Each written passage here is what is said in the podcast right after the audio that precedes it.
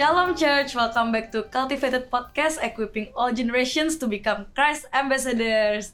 Buat di episode Seeds of It kali ini kita mau memperkenalkan uh, host terbaru kita, Corina. Halo semuanya. Perkenalan sebentar, Corina ini udah pernah ada di episode kita yang tentang ke Filipin dan Oh, Corina ini dari Cool mana? Cool Galilee. Ah, Cool Galilee dan kita hari ini ditemani oleh Ko Daniel. Wede. Kode lagi senyum aja nih Senyum sekarang. doang. Tapi sebelumnya kita mau ngucapin Happy New Year dulu ya, Kor ya. Iya, Happy New Year 2020 buat semua para pendengar-pendengar. Yeay. Terus em, jadi karena kita ini Sets of Faith, jadi kita saranin buat kalian eh, buka website BIC buat dengerin dulu khotbah-khotbah sebelumnya, eh, apalagi yang tanggal 5 Januari karena itu yang kita bakal bahas buat hari ini. Yes. Ini adalah part kedua dari khotbahnya Koden minggu lalu. Betul. Judulnya Pursuing Christ. Christ. Yes. Mhm. Kor, Hmm. minggu lalu inget nggak tentang apa aja sih apa khotbahnya? Hmm, seingat gue tuh minggu lalu ngomongin tentang knowing Christ. Dan yang paling ketangkep di gue itu adalah ngomongin tentang how um, our righteousness itu bukan pekerjaan kita sendiri, tapi itu tuh Christ righteousness yang being imputed to us. Jadi kalau di minggu lalu Koden pakai istilah his CV gitu. Jadi kayak Hmm. um, CV itu adalah gimana tes handballing. CV yang di sini tuh bukan CV yang buat kerjaan gitu, tapi lebih CV yang kita present ke Tuhan kayak Tuhan aku udah ngelakuin ABCD nih, eh, ayo dong berkatin aku kayak gitu. Enggak, enggak kayak gitu, geng. Hmm. Jadi gitu deh. Iya. Jadi Oke. Jadi apa? jadi gitu kira-kira um, message minggu lalu yang aku ingat. Mm-mm. Oke, mari kita bahas tentang khotbah tanggal 5 Januari, Pursuing Christ. Eh sebelum kita move on ke apa tuh ngomongin tentang khotbah, Mm-mm. kira-kira lu punya gak sih? Kan ini tahun baru nih, lu punya nggak resolusi tahun baru? Jujur resolusi tahun baru gua adalah untuk membaca buku lebih lagi. Oh buku apa nih? Soalnya gue order banyak banyak order buku di Kurong kan. Oh iya iya iya. Tapi buat hiasan rumah doang belum kebaca. Di shelf doang ya. Iya. Iya iya. Kalau bener. lu apa kok? Um, sama sih. Jadi kemarin gue nulis di buku gue resolusi tahun baru adalah baca makin banyak 5 buku at least. Terus um, tiap hari baca Alkitab sama less procrastinating gitu. Wih, bagus bagus bagus bagus bagus. Nah, nanti aku juga mau tahu nih resolusi koden apa. Nah, tapi kita masuk dulu ke karena ini nyambung nih sama kebetulan nyambung sama khotbah hari ini. khotbahnya hari ini ya. Koden, kira-kira Koden punya nggak em, resolusi tahun baru di 2020? Apa nih resolusi Koden? Em, ya itu sudah jadi suatu yang aku renungkan beberapa minggu Hmm. terakhir di tahun yang lalu ya. Hmm. Aku juga singgung di dua khotbah terakhir minggu lalu dan hari ini. Aku lagi mau merenungkan itu benar-benar eh, surat Filipi. Hmm. Jadi eh, tentu tentu tetap devotion tetap jalan biasa tapi aku lagi pingin ini apa belajar kitab Filipi ini somehow ini ini eh, satu yang aku juga ndak ndak planning tapi ya sebut aja se- apa ya eh, sudden curiosity gitu ya Hmm. rasa ingin tahu yang muncul tiba-tiba gitu tapi ya, memang itu satu yang anu banget yang yang yang kuat banget aku rasakan gitu Hmm. pengen pengen belajar lebih lagi dan dari seluruh kitab Filipi 4 pasal itu yang ini pasal 3 itu ayat 1 sampai 14 itu yang yang jadi inti apa yang ini ya aku ingin pelajari benar-benar Di tahun baru ini Ya. kita.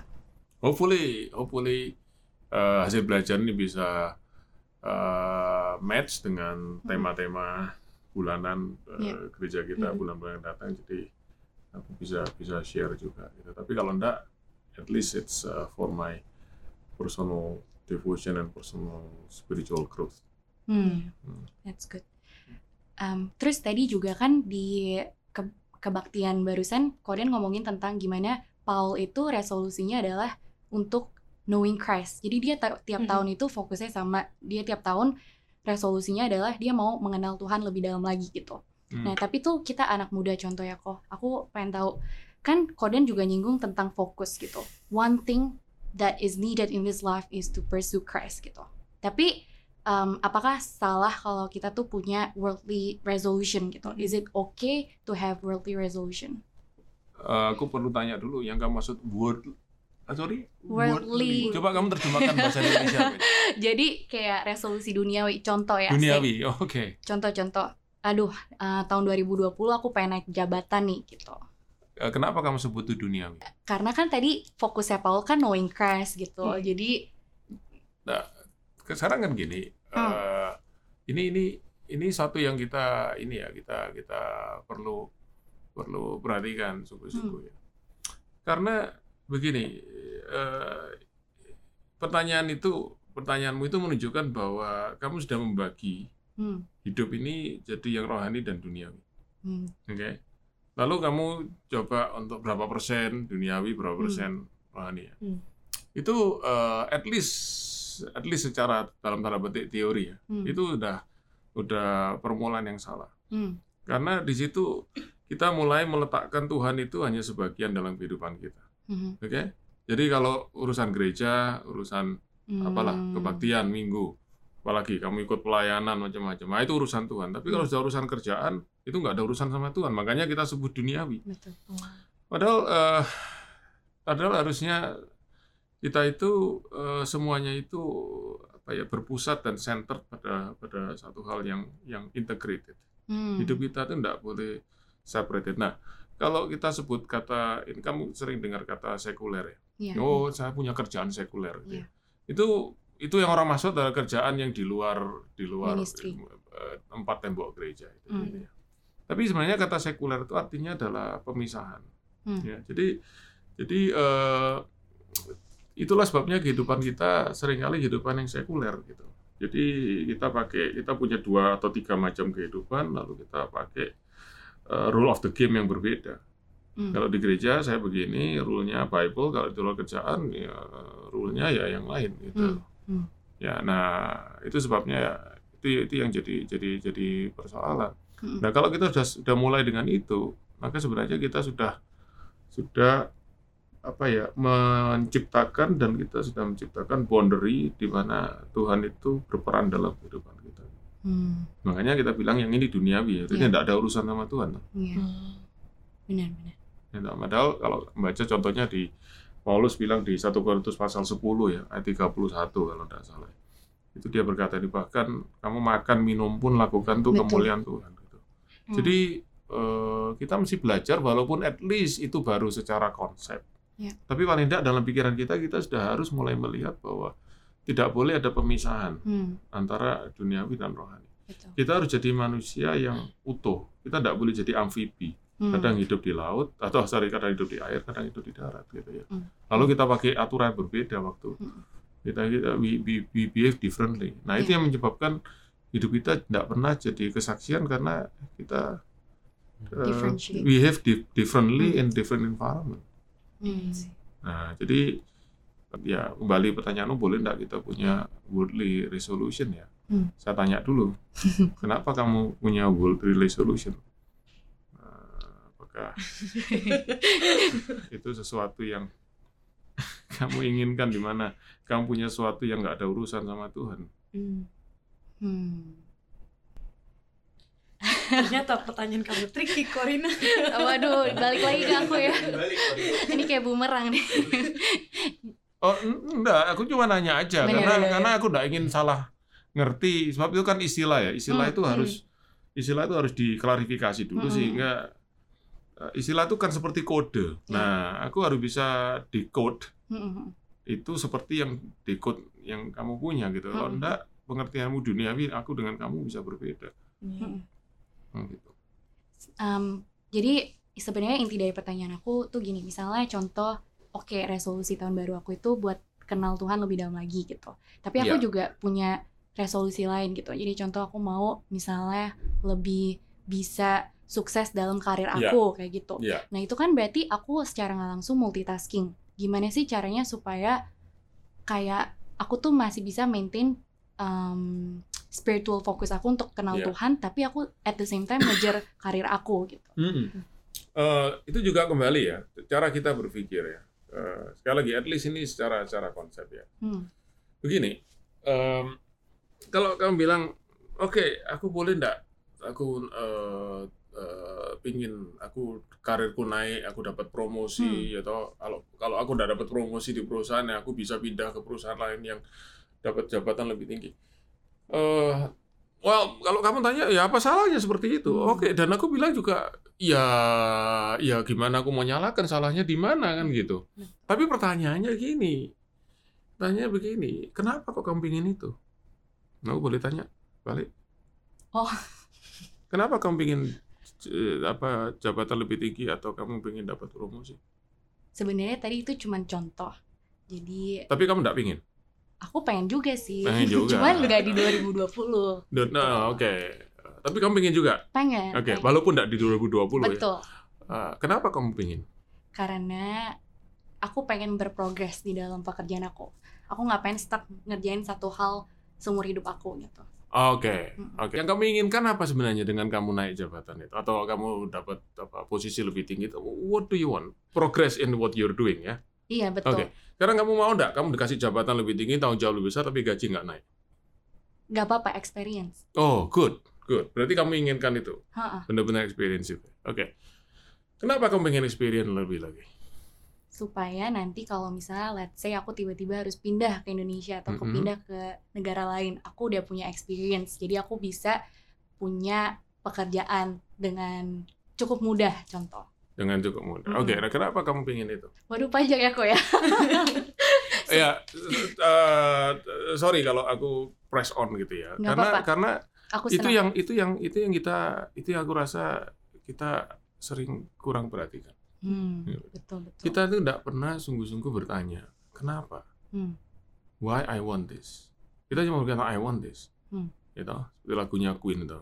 You know, I want it all, I want it all, I want it now. Oke? Hmm. Tapi kita tidak pernah tanya sungguh kenapa aku pingin ini. Karena kita berkata aku pingin ini karena semua orang gitu aku Punya. juga juga karena Nggak supaya mau. hidupku lebih enak, hidupku lebih enak seperti apa gitu ya. Hmm. Em, satu yang satu yang aku eh, ingin ini ya paling tidak trigger dan gelitik ya di dalam hati kita semua Mm-mm.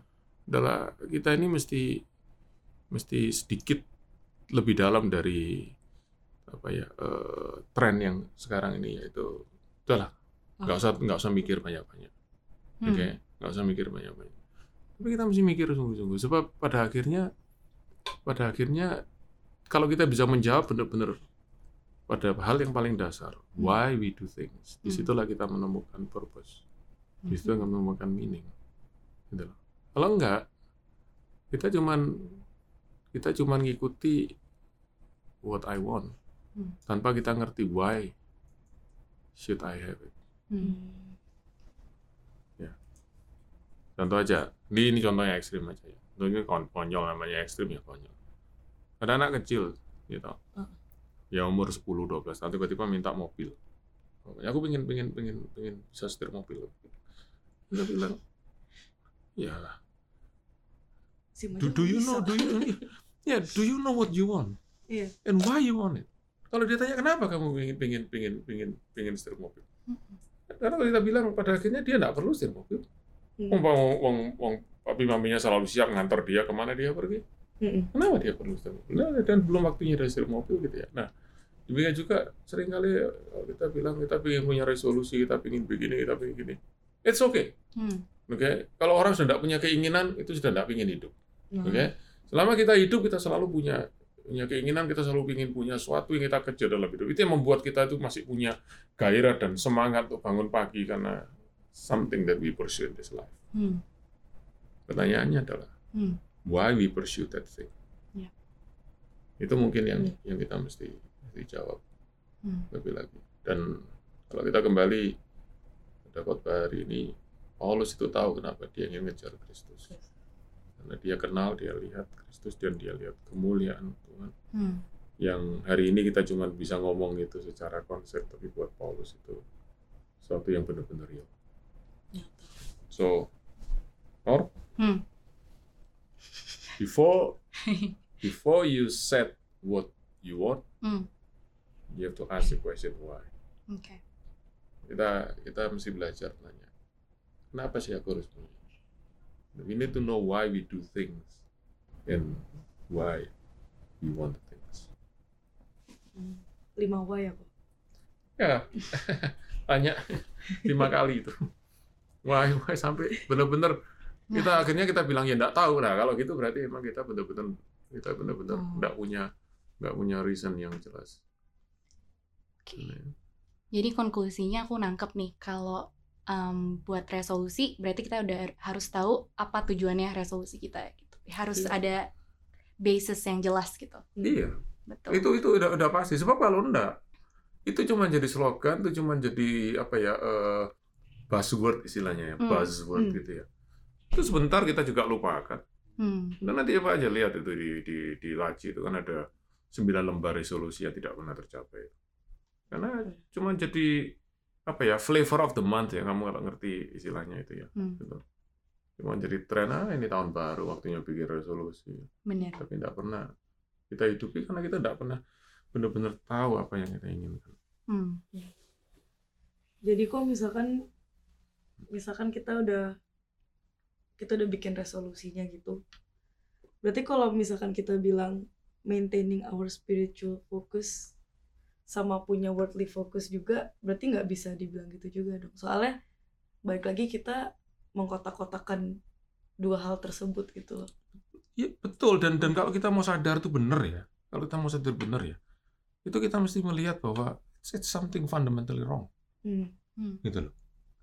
Itu gimana kita itu Oh. bisa punya bagian hidup di mana Tuhan tidak ada urusan di situ. iya So gimana? Hmm. Gitu loh.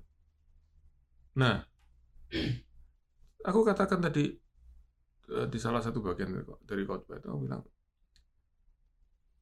Christian, Hmm. Christianity ya, kekristenan itu jangan dilihat sebagai doing, Mm-mm. tapi sebagai being. sebagai being Ya, itulah kehidupan kita. That is our life.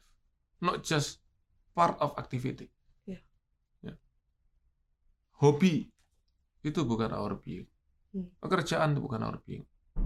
Ya. Lain tugas kita itu bukan our being. It's what we are doing.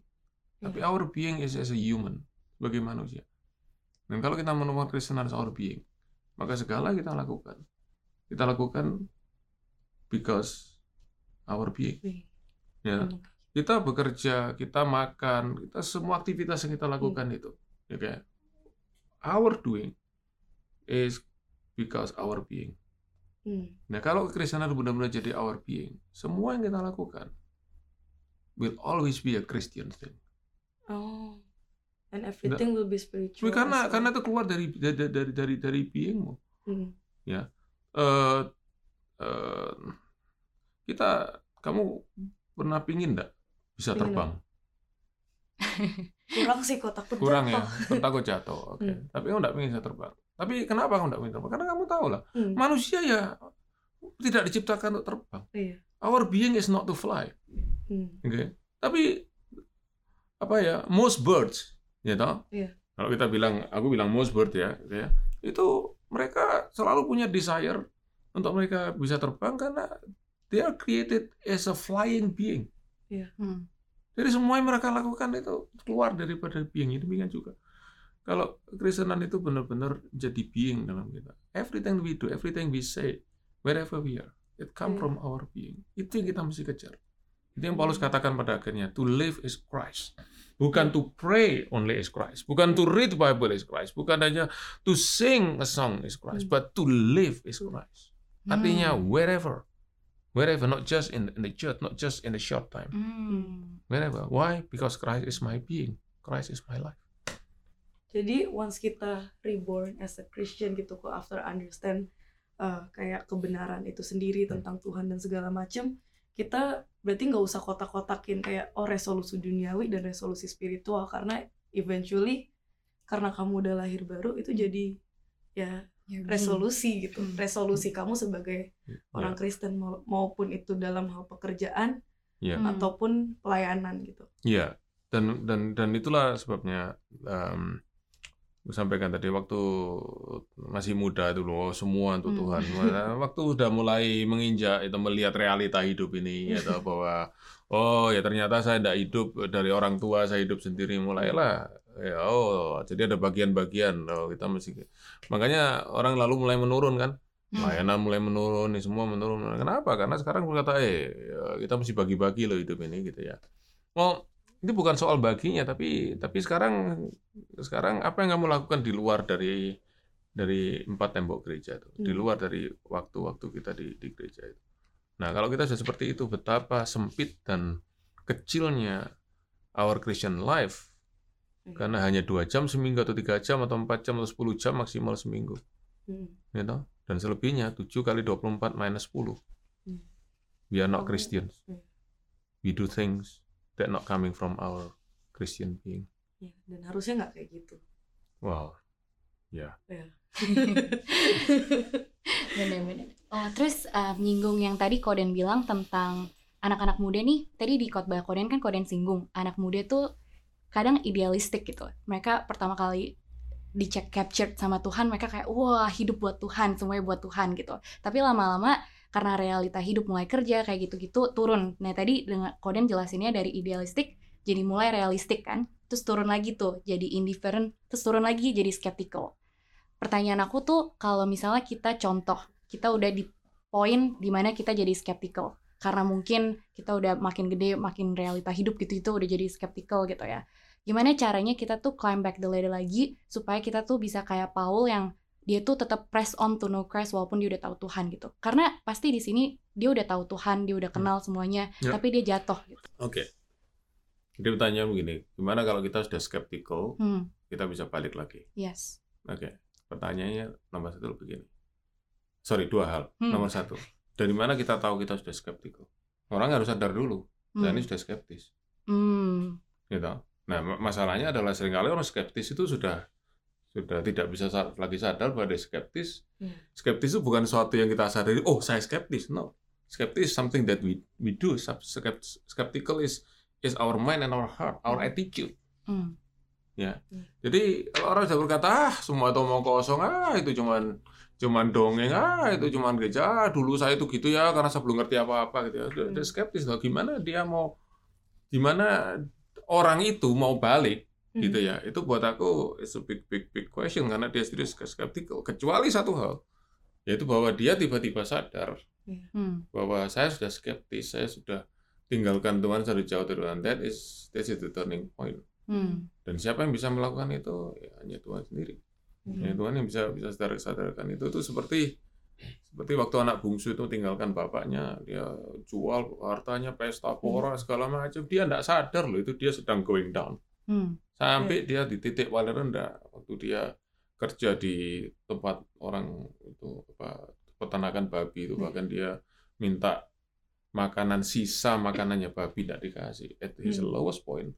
Hmm. Nah, Tuhan Yesus bicara di Injil Lukas dikatakan ketika ia menyadari keadaannya nah itu hmm. Nah aku tidak tahu. It is always something that we have come to ourselves. Hmm. Kita tiba-tiba bisa ngelihat diri kita Hmm. oh aku ini ternyata seperti ini Hmm. that's that's the word eh ternyata aku seperti ini berarti Hmm. selama ini aku tidak sadar aku seperti ini Hmm.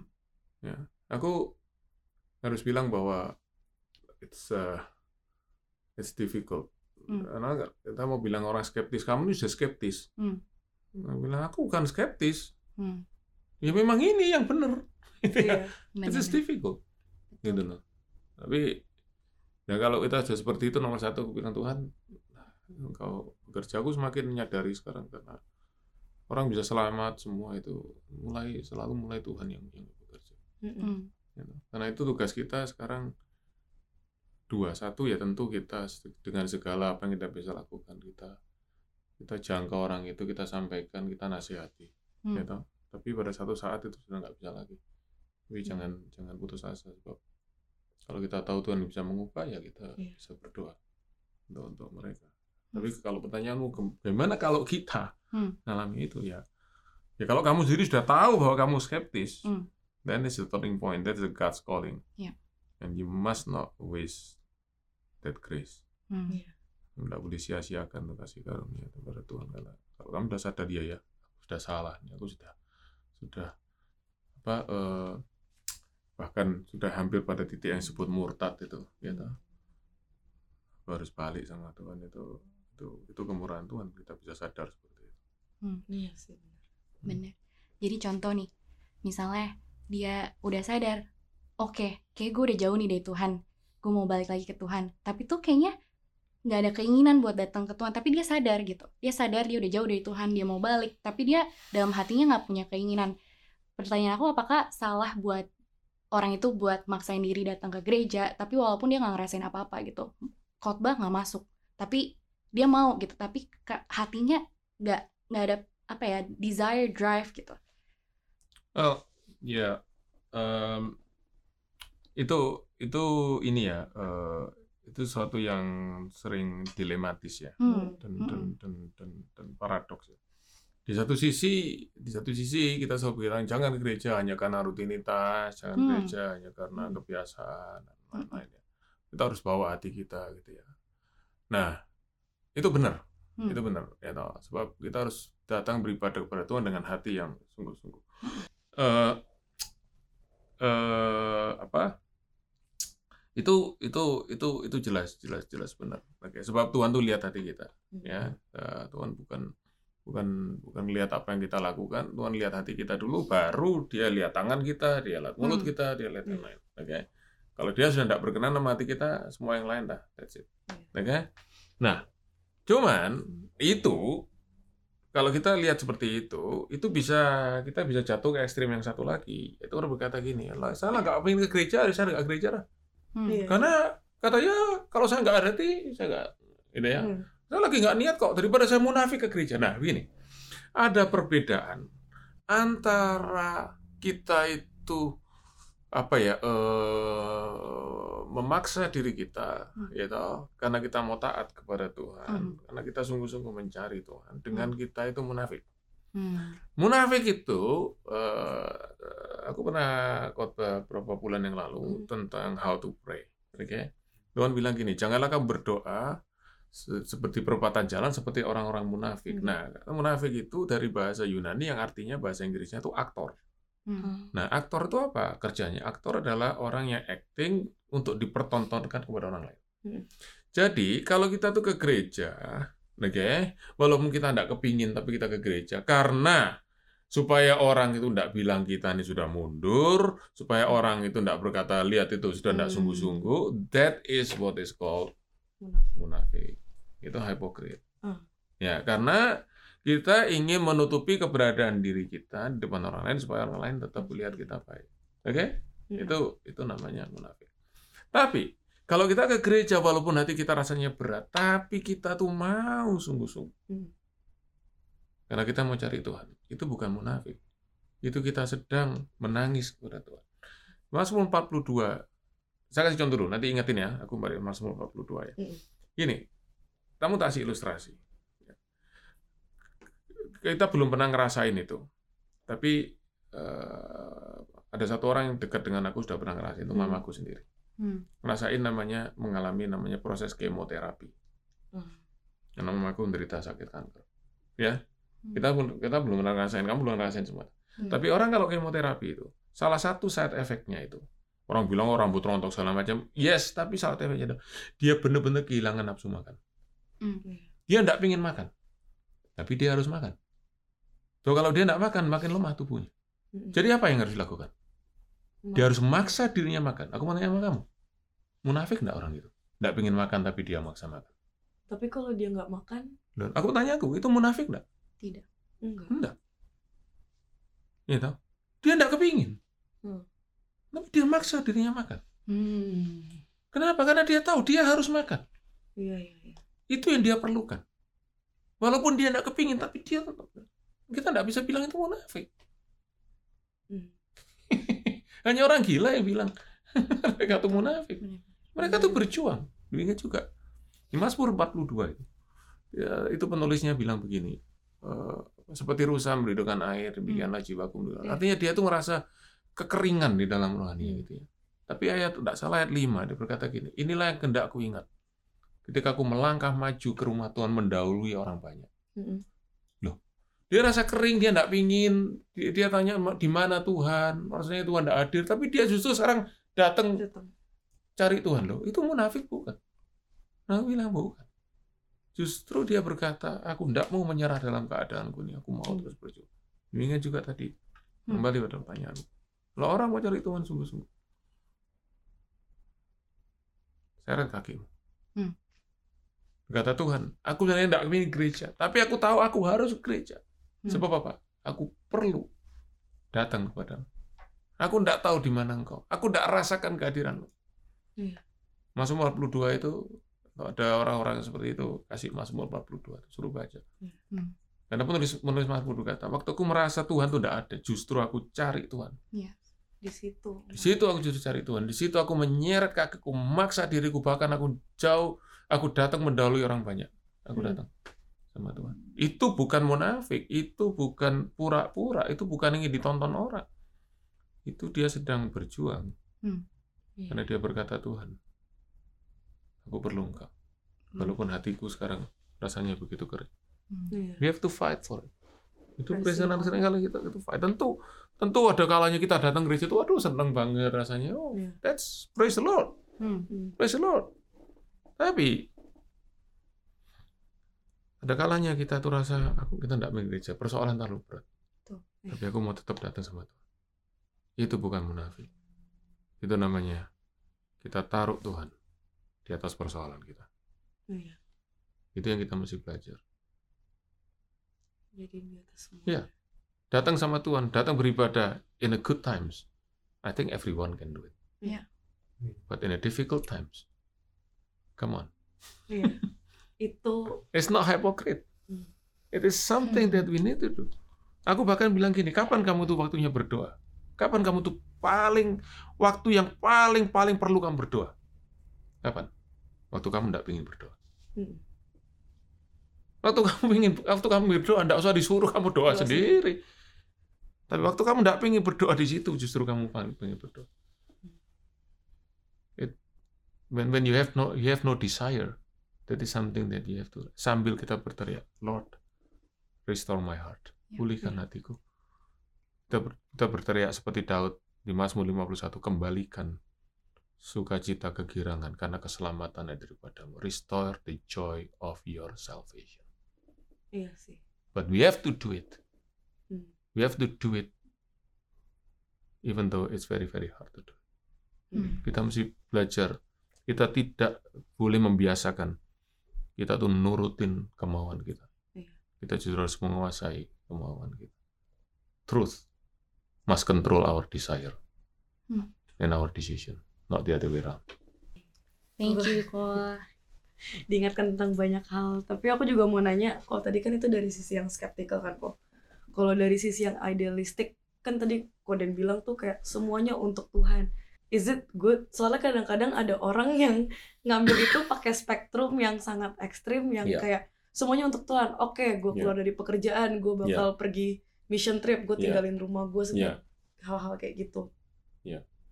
Eh ya memang memang itu itu aku juga aku Iya. cerita sedikit tadi aku juga pernah mau mau mau mau mau ambil seperti itu ya Hmm. seperti itu dan dan dan memang itu biasanya terjadi waktu kita ini belum memahami realita hidup yang yang yang yang sebenarnya. Hmm. oke. Sebenarnya gini ya. Aku ngelihat apa yang sering kali terjadi di gereja itu berbeda dengan apa yang Tuhan Yesus lakukan. Oke. Heeh. Kan di gereja itu orang kan ini ya, apalagi kalau eh, pendetanya udah mau bikin altar call gitu ya, eh, eh, aduh musiknya dinaikin gitu ya, lagunya dibuat yang yang eh, apa ya, ah, benar-benar bisa touch emotion gitu ya, very very emotional, orang pada nangis. Mari, siapa mau serahkan hidup kepada Tuhan? Ya, Siapa mau itu berikan semuanya malam ini hidupmu kepada Tuhan gitu, Hmm. semua gitu ya. Nah, itu mereka benar-benar dibawa, distimulate dari emosi mereka. Dan our emotion is subject for stimulation. Selalu. Iya sih. Tapi kalau kita lihat di Lukas 14, kamu lihat di Lukas 14 ya.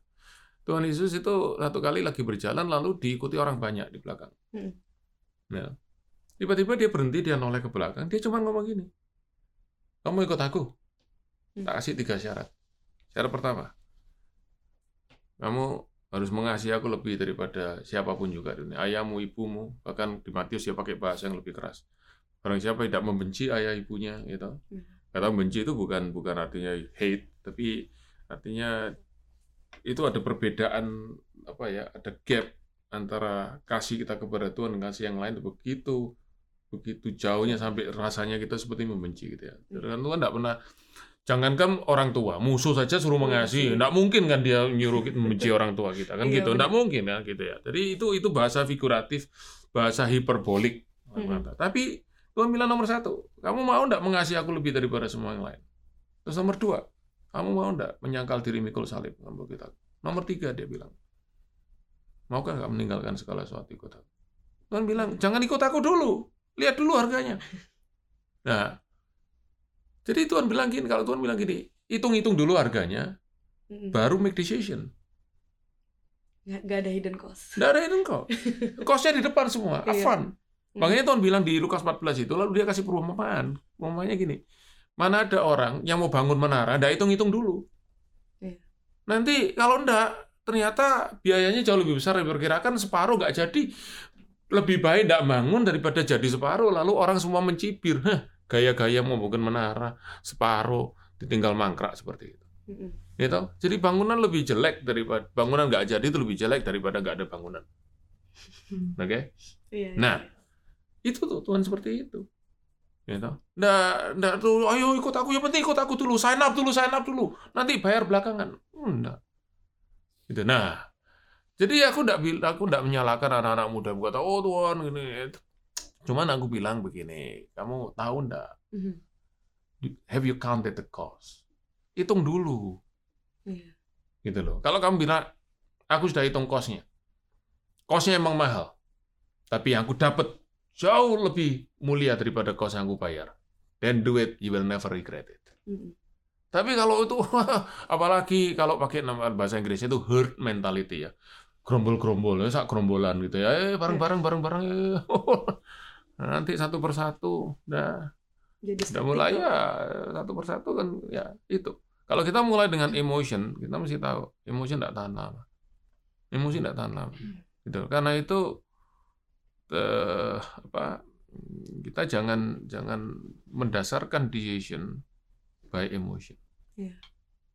Ya. Itu kalau kalau sudah sudah make decision by emotion selalu selalu regret at the end. Karena itu aku bilang kalau kamu mau meng- me- me- me- memarahi orang, tunggu sampai kepala dan hatimu dingin, baru kamu marah. Jangan marah dengan lagi emosi. Nanti kamu akan menyesali kata-kata yang kamu keluarkan waktu kamu marah. Iya. Because when when we do something out of emotion, itu sering kali bypassing, even contradicting our common sense. Mhm. Dan nanti waktu sudah sadar, baru nyesel. Ada cerita itu di Alkitab, itu ceritanya Esther. Jadi di pasal 1 kitab Esther itu diceritakan Raja Asveros itu bikin pesta. Pernah tahu ceritanya? ya?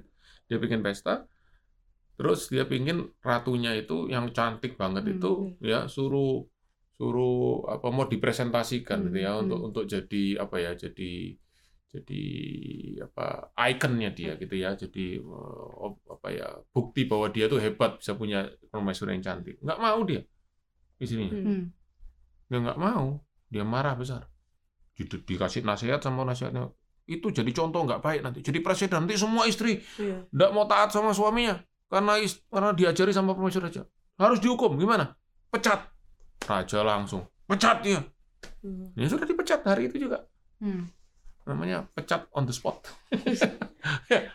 Serem. ditulis besoknya setelah marahnya raja reda Hmm. nyesel dia Iya. Ya tentu kita tahu bahwa itu jadi jalan Tuhan untuk akhirnya Esther bisa jadi permaisuri Iya. masuk dalam sana ya. Tapi dari situ aja kita bisa tahu bahwa kalau kita tuh ngambil keputusan berdasarkan emosi, most likely will regret, Hmm.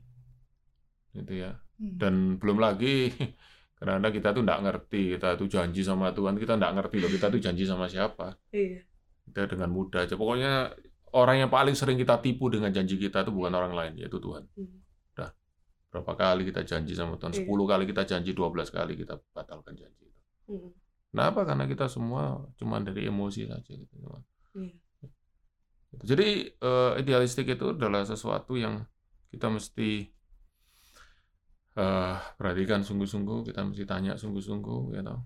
Jangan jangan don't don't make don't make decision before you know the cost of your decision. Yep. Itu. Kayak udah kali ya. Eh. Oke deh, thank you banget Koden udah mau datang dan um, jawab pertanyaan-pertanyaan kita. Aku jujur Thank you. seneng banget nih ada Koden di sini. Soalnya kalau nggak kapan lagi bisa nanya-nanya Koden yang banyak gitu. Aku selalu ada di sini. Wede. Kita selalu ketemu Selasa, ketemu Bener juga Minggu, ya. ketemu Jumat, kadang-kadang ketemu. Betul. It's it's a it's a it's a big pleasure to be with you today. Wah, Kita same thing, likewise. Iya. Um, jadi udah itu aja buat um, podcast kita hari ini. And um, thank you banget yang udah dengerin. We hope you feel encouraged and we hope that this gives you new perspective as well in this new year. Um, jangan lupa juga buat resolusi. Tapi uh, again kayak tadi kita harus tahu bisnisnya apa dan um, supaya kita nggak kayak kertas yang terbang. Benar nggak Tes? Benar. Jadi anak panah yang fokus. Betul. Oke deh, terima kasih semuanya. Bye. Bye. Bye.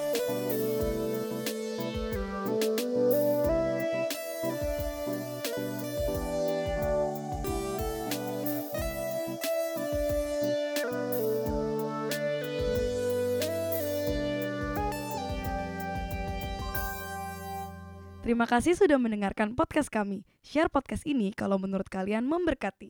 Cultivated Podcast tersedia di Spotify dan YouTube dan kalian bisa cek juga Instagram kita di cultivated.podcast. Terima kasih.